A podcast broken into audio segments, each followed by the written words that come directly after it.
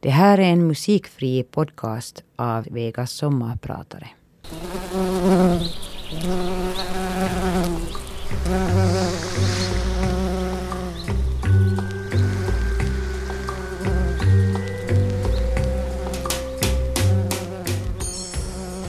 Hej, jag heter Mari Koli och det är jag som är er sommarpratare idag. Jag arbetar som VD och ansvarig förläggare på Schilds och Söderströms. Jag är född i Tammerfors men flyttade som femåring till Helsingfors där jag bott sedan dess. Med undantag för de ungefär fem år då jag levt i Belgien och USA med min vuxenlivsfamilj. Jag forskade länge i nordisk litteratur vid Helsingfors universitet, älskade att undervisa och var övertygad om att det akademiska var mitt framtidskall. Tills jag av en slump fick jobb som marknadsförare på Söderströms förlag år 2003. Min första uppgift var att ställa i ordning läromedelsavdelningens utställningshylla, vilket jag gjorde och på den vägen är jag. Den musik jag valt att spela för er idag härrör sig, till skillnad från det jag kommer att tala om, från min vilda ungdom som punkare på 80-talet. Min mormor Naemi Roos, eller Nammi som hon kallades, mötte min morfar Yrjö Laitinen på Marias matservering i Vasa. Det var strax efter inbördeskriget. Yrjö arbetade som försäljare på Lassila Tikanoja, vars kontor låg granne till matserveringen och därför åt han där ofta. Nammi i sin tur hade tjänsten som renskriverska vid Länsstyrelsen, ett jobb hon var väldigt förtjust i och stolt över. Matserveringen ägdes av hennes mamma och under den bråda lunchrasten hjälpte Nammi ofta till i kassan. Och det var vid kassan de möttes, Yrje och hon, och fattade snabbt tycke för varandra fastän de inte talade varandras språk. När den helt finskspråkiga Yrjö friade till Nammi på Vasklott bro lär de ha behövt en ordbok för att försäkra sig om att de förstod varandra rätt. Yrjö är en fin man, skrev Nammi till sin väninna senare. Men nog är det synd att han inte är östsvensk utan burfinsk. Med östsvensk avsåg man i början av 1900-talet det vi idag kallar för finlandssvensk. Till Yrjös ära måste sägas att han aldrig försökte tvinga eller locka Nammi till språkbyte, vilket inte var helt ovanligt under de ännu språkpolitiskt heta åren fram till världskriget. Fast kanske inte lika vanligt som under den nationalistiska ivern under den senare delen av 1800-talet då många helt enspråkiga svenskspråkiga finländare av ideologiska skäl förfinskade sina namn och bytte modersmål till finska. Ett beskrivande exempel är paret Julius och Emma Kron, föräldrar till författaren Aino Kallas, av vilka Julius var ursprungligen tyskspråkig, men ivrig, fenoman, och Emma, född Nyberg, helt svenskspråkig. När de gifte sig bestämde Julius enväldigt att de i framtiden skulle glömma sina modersmål och tala enbart finska. Så här beskriver han senare i sina memoarer hur övergången gick till. Morsiammeni oli umpiruotsalaisesta kodista, mutta alistui vastustamatta kohtalonsa, kun minä vihiltä päästyäni sanoin. Nyt se on muijaseni loppuruotsistasi, meidän talossa puhutaan vain suomea. Ja se päätös pidettiin rikkomatta – Eihän sitä pariin viikkoon paljon puhuttu, tunnettiin sitä enemmän ja välistä itkettiinkin, mutta sanakirjaa ahkerasti viljellen alkoi puhe vähitellen käydä. Ungefär så här, översatt svenska. Min fästmö kom från ett svenskspråkigt hem, men anpassade sig utan knot till sitt öde, då jag efter vårt giftermål meddelade henne att nu gumman min är det slut med din svenska. I vårt hushåll talar vi i framtiden endast finska. Och det beslutet höll. Inte pratade vi så mycket under den första tiden. Känslorna flödade desto friare och tårarna med ibland. Men då vi utnyttjade ordboken flitigt började språket så småningom flyta. Under sitt långa äktenskap fortsatte Nammi och Yrjö att tala var sitt språk. Hon svenska och han finska även när de umgicks med varandra. Jag har ibland undrat hur deras kärleksspråk lät, det mest hemliga ni vet, det som vi delar bara med den vi intimt älskar. Guttrade de på två olika språk lika konsekvent som i vardagen eller skapade de ett eget blandkärleksspråk? Guttra gjorde de uppenbart i vilket fall som helst, så varmt och harmoniskt som deras långa äktenskap verkade vara. Med åren blev Nammis finska betydligt starkare än Yrjös svenska som han av principskäl vägrade använda, allra minst i sällskap av sin fru. Nyckeln till Yrjös och min äktenskapliga lycka var att vi inte alltid förstod varandra, lär Nammi ha konstaterat långt senare. Min mamma, Ilse Laitinen, växte upp i ett hem där två språk levde parallella jämlika liv. De flätades in i varandra och växlades beroende på vem man pratade med, Nammi eller Yrjö. Tvåspråkigheten blev en naturlig del av min mammas, min morbrors och min mosters identiteter, men uppfattade de sig själva som finlandssvenska. Jag kan, jag kan inte begripa varför jag inte tog upp det här med min mamma innan hon dog förra hösten. Nu är det uppenbart för sent. Med det vet jag att min moster Kirsti Westberg inte uppfattade sig som finlandssvensk, åtminstone inte på äldre dagar. Hon blev väldigt upprörd på mig en gång när jag besökte henne i Vasa i början av det nya millenniet och slentrianmässigt syftade till oss båda som finlandssvenskar. Jag är inte finlandssvensk, sa hon beslutsamt och snäppet på surt på ren finlandssvenska. Även min mamma gifte sig med en helt finskspråkig man, Paavo Koli, som var född och uppvuxen i Uleåborg. Hade i någon kort skarv hört till Akateminen Karjalaseura, men lät sig inte störas av sin unga frus tvåspråkiga bakgrund. I mitt barndomshem florerade finskan och svenskan minst lika fritt som i mammas barndomshem. Men med den skillnaden att det, speciellt efter pappas död 1969, inte fanns någon tydlig konsekvens i med vem man talade vilket språk. Med mamma talade jag länge finska och svenska om vartannat, helt beroende på kontexten och känsloläget. Men ju äldre hon blev, desto vanligare blev det att vi talade svenska med varandra. När jag var barn på 60 och 70-talet funderade man inte så mycket på språkpedagogik och språkkonsekvens, för att inte tala om någon medvetet driven språkpolitik. Av oss fem syskon sattes de två äldsta i finskspråkig skola, medan våra föräldrar, när det tredje barnet skulle anmälas på första klass, plötsligt kom på tanken att det kunde vara klokt att sätta henne i en svenskspråkig skola, just för språkets skull. På så sätt fick vi tre yngsta barn gå i svenskspråkig skola medan de två äldsta skrev studenten på finska. Jag har alltid talat finska med mina två äldsta syskon och gör det än idag, medan vi tre yngsta alltid talar svenska med varandra. När min bror, som var äldst av oss fem, dog på 80-talet blev min äldsta syster kvar som den enda finskspråkiga. Och det är först nu, i vuxen ålder, som jag förstått hur språkligt existentiellt ensamt det måste ha kännats för henne ibland, sen Pekka gick bort.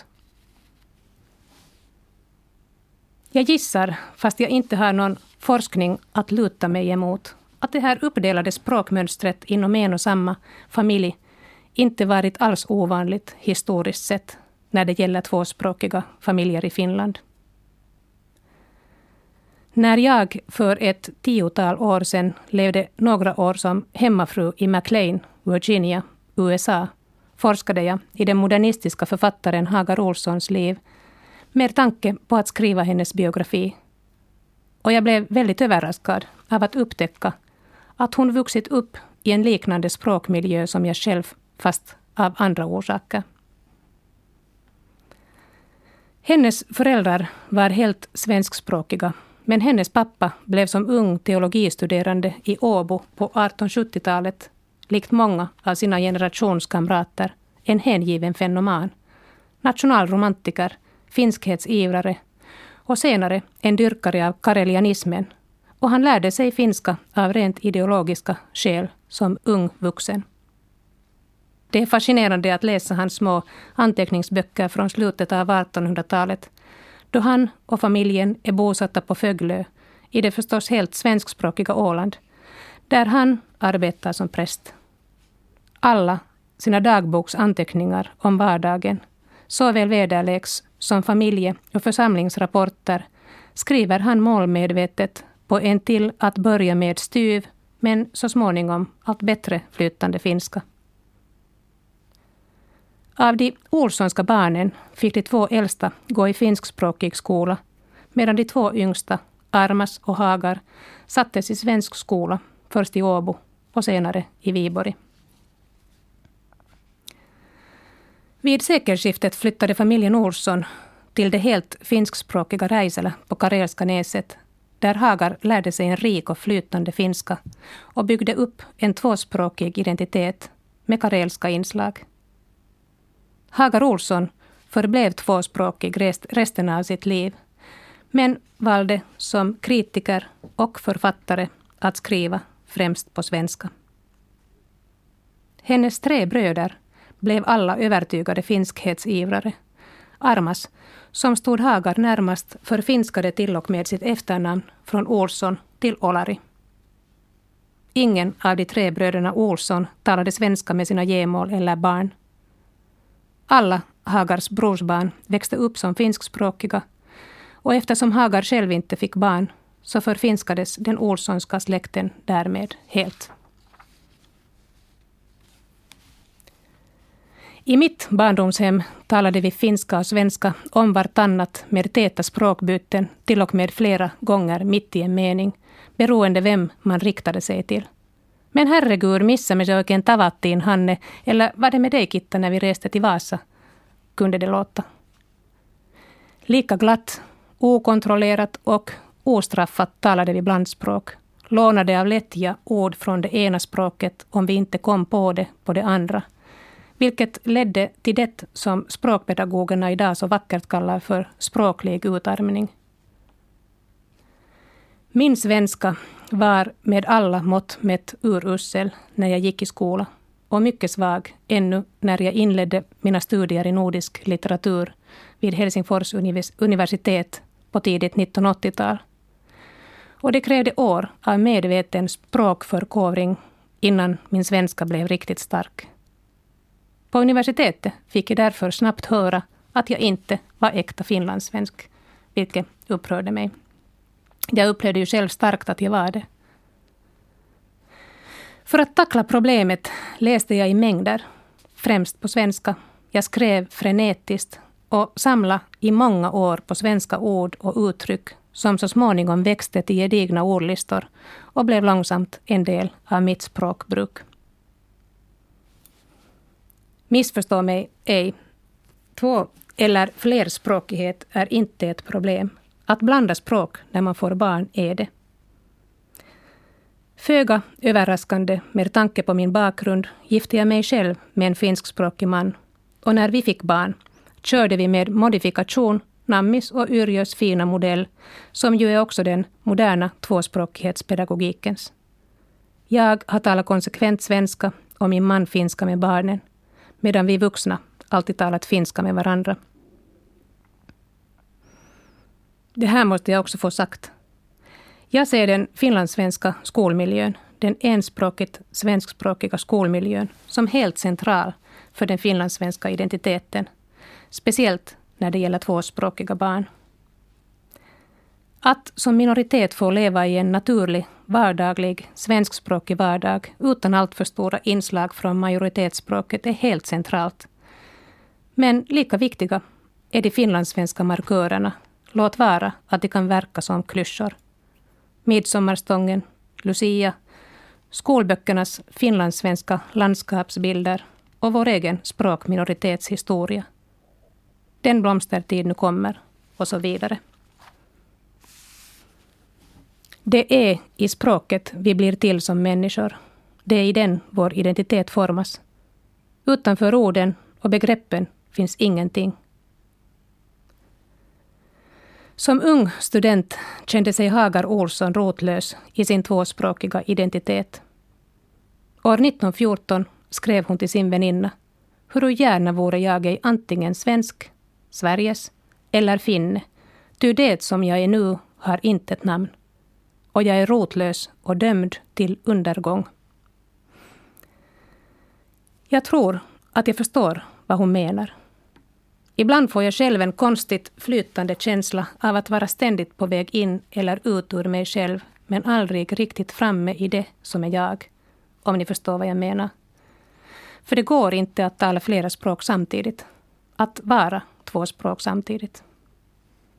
För det finns skillnader i de språkliga identiteterna lika mycket som det finns områden som inte överlappar varandra i de tvåspråkiga liv vi lever. Jag är dålig på att plocka svamp, fiska och kuttra på svenska för det har jag alltid gjort på finska. Medan jag är ibland tvungen att leta efter det rätta ordet då jag talar samhälle, litteratur eller politik på finska.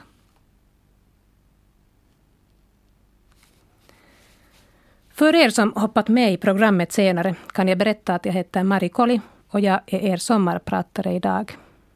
Den musik jag spelar upp hör till min vilda ungdom som punkare på 80-talet i Helsingfors. Det finns en anekdot om min mormor Maria Ros, hon med matserveringen i Vasa, som min mamma älskade att berätta. Maria, som var född och uppvuxen i Björköby i Vasa skärgård, gifte sig med sjökaptenen Daniel Ros. När hans skepp förliste förlorade familjen hela sin egendom på grund av dåligt skötta försäkringar. Varefter Daniel fick tjänst som disponent på sågen i Alavo, fick en hjärtinfarkt och dog. Efter sig lämnade han en barskrapad familj, Maria och hennes döttrar. Efter begravningen lär Maria, omringad av sina sörjande döttrar, ha ställt sig bredbent vid Daniels grav, slagit högljutt ihop händerna och sagt det var det och nu är det jag som bestämmer. Enligt rådande finsk lagstiftning hade en änka, till skillnad från en gift kvinna, en rätt så självständig ställning i samhället. Hon fick starta och leda ett företag, förtjäna pengar och rå för sina inkomster bäst hon ville. Och allt det här gjorde Maria Ros som änka för att kunna försörja sig själv och sina döttrar. Hon öppnade en matservering och uppfostrade sina flickor till att bli arbetsamma, självständiga och starka kvinnor. När min mormor Nammi gifte sig med Yrjö var hon tvungen att säga upp sig från sin post som renskriverska på Länsstyrelsen. I de borgerliga kretsarna ansåg man att hon skulle nöja sig med att bli försörjd av sin man och fokusera i framtiden på familjelivet. Sådant var samhällsklimatet och lagstiftningen ännu på 20-talet. Ända fram till världskriget, då kvinnorna plötsligt akut behövdes i arbetslivet för att kompensera männen som behövdes i försvarandet av landet. Det tog hårt på min mormor, som älskat sitt jobb och sin ekonomiska självständighet att säga upp sig. Som tröst gav Yrjö henne en egen skrivmaskin en svart Remington som Nammi älskade och skrev hundratals brev med under sin livstid. Den svarta Remingtonen gick i arv till min mamma som transporterade den till vårt sommarställe i mellersta Finland, Pihtipudas, där hon och senare jag under de långa somrarna skrev otagliga brev med. Jag tror att mamma älskade anekdoten om den ampra Maria Ros vid graven därför att hon uppfattade sin mormor som urtypen för de starka roska och senare koliska kvinnorna som hon själv sällade sig till. Arbetsamma kvinnor som inte fick lätta liv men inte heller lät sig kuvas av motgångar. Mamma läste sig till en akademisk examen vid Helsingfors universitet och arbetade hela sitt vuxna liv. Först som journalist och frilansöversättare, senare som informatör på Röda Korset och till slut som avdelningschef på arbetsministeriet. Mig, en nybakad student med hjärtebekymmer, det hade just blivit slut med mig och min dåvarande pojkvän som bedragit mig flitigt, tröstade hon genom att säga att jag aldrig bör förlita mig på att en man tar hand om mig, att jag måste skaffa mig ett eget yrke och ha integritet. På så sätt kommer jag nog att klara mig. Älska med passion och envishet men bli aldrig helt beroende av någon annan i ditt liv så att du inte kunde klara dig ensam om du var tvungen till det, sa hon. Jag blev jättesårad på mamma där jag grät som ett vattenfall för att hon inte såg hur olycklig jag var av saknad efter den punkarpojke som lämnat mig för en annan. Den förargelsen varade till all lycka inte hemskt länge och resten av mitt liv har jag följt hennes råd. Älskat av hela mitt hjärta, passionerat och envist, men alltid medveten om att jag klarar mig själv om jag av någon anledning är tvungen till det. Det här definierar jag som mitt Maria Roska mammaarv. En ganska trygg punkt att stå på i livet. Min pappa tog livet av sig våren 1969 i vårt hem i Tammerfors. Jag var då fem år gammal. Vid sin död var han förutom nationell krigshjälte tack vare sitt Mannerheimkors, doktor i sociologi och rektor för Tammerfors universitet.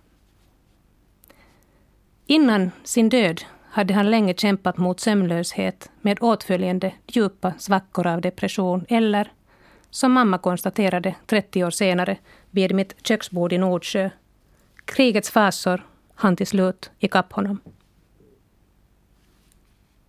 Mina föräldrar talade aldrig om kriget med varandra, med undantag för ett tillfälle. Filmpremiären på Väinö Linnas roman Okänd soldat. Mamma grät sig genom filmen och frågade pappa efteråt om kriget verkligen var så hemskt som Linna beskrev det som. Mycket värre, kära flicka, mycket värre, svarade han lakoniskt och där stannade dialogen dem emellan om de erfarenheter som till slut rubbade hans förstånd och tog hans liv, hur än han försökte fly det förflutna. På grund av sin samhällsstatus blev pappas självmord offentlig på ett sätt som inte annars skulle ha varit fallet. Det måste ha varit tungt för min mamma att stå ut inte endast med chocken, sorgen och de självbeskyllningar som självmord alltid väcker hos de anhöriga. Utan därtill med främlingarnas semimedlidsamma socialpornografiskt nyfikna blickar. När jag senare frågade mamma hur hon klarade av allt det här sa hon att hon inte hade något val där hon stod som änka med fem minderåriga barn och ett jättelikt bostadslån. Hur skulle hon ha kunnat svika oss? Det låter väldigt Maria Roskt i mina öron. Det var jag som hittade min pappa död, fast jag inte kommer något ihåg av det. Inte ens efter att jag i vuxen ålder i repris frågat mina systrar hur pappa tog livet av sig kan jag följande morgon minnas vad jag har fått höra. Allt är som bortsuddat ur mitt medvetande. En kväll efter att ha samma dag diskuterat pappas sista stunder vid liv med en av mina systrar kom jag hem och skrev dödsorsaken på en papperslapp så att jag följande morgon skulle kunna läsa och minnas hur han dött. På morgonen kom jag nog ihåg lappen, men inte vad det stod på den eller var jag lagt den. Den var försvunnen och har inte återfunnits sedan dess. När jag sent omsider och i samband med helt andra sorger sökte mig till en psykiater förklarade han lugnt att det är helt okej okay att jag inte minns vad som hände och att jag inte behöver tvinga mig till att minnas om inte jag själv upplever det som nödvändigt för att komma vidare i livet. Det är barnet i mig som för att skydda sig själv kapslat in minnet av min självmordsdöda pappa, sa han vänligt. Tänk vad fint vårt psyke är uppbyggt, fortsatte han glatt. Det lär gå att locka fram förträngda minnen genom hypnos och terapi vid behov. Men varken jag eller psykiatern ansåg det i mitt fall som nödvändigt. För jag har blivit du med min minneslucka och lärt mig att respektera det inkapslade barndomsminnet. Samtidigt för jag nu, liksom jag gjort under hela mitt vuxna liv, En envis dialog med mig själv för att inte låta det förflutnas trauman ta kontrollen över mitt liv. Att det gick så fruktansvärt sorgligt att min enda bror senare valde samma utväg som pappa har inte nämnvärt stärkt mig i min kamp mot den skugga som ständigt vill sluka mig. Den förlamande känsla av insikt att jag när som helst kan för evigt förlora någon som jag älskar. Min man, mina barn, syskon eller kära vänner. Det hjälper inte att trösta mig med att säga att det är osannolikt. För jag vet att det osannolika är möjligt. Jag har upplevt det. Det har hänt mig. Jag tror inte att jag någonsin lyckas rationalisera den här rädslan eller bli den helt kvitt. Så, för att inte låta den underkuva mig har jag valt att acceptera den. Där står den, bredvid mig. Dag in och dag ut följer den med mig vart än jag går. Men det är där dess kraft stannar. Den kan inte ta livet av mina kära, för att den trots allt är bara den den är, en känsla, en projektion ur en, hur en liten, men desto verkligare, vrå ur mitt sorgklättiga undermedvetna. En känsla, en rädsla, inget mer. Och den har också gett mig mycket, skuggan. Den fantastiska glädje jag kände varje kväll jag lade barnen i sina sängar när de var små och fortfarande helt vid liv. Eller varje gång min man återvänder hem från en resa, och han reser mycket, och tar mig i sin varma och trygga famn, livslevande. Men allra mest tackar jag skuggan för min genuina kärlek för vardagen. Den som börjar varje dag med att jag stiger upp, duschar, dricker kaffe ur favoritmuggen och går på jobb. Kommer hem där jag gör vad jag gör innan jag lägger mig. Den härligt igenkännbara, gråtrista, sig själv upprepande vardagen.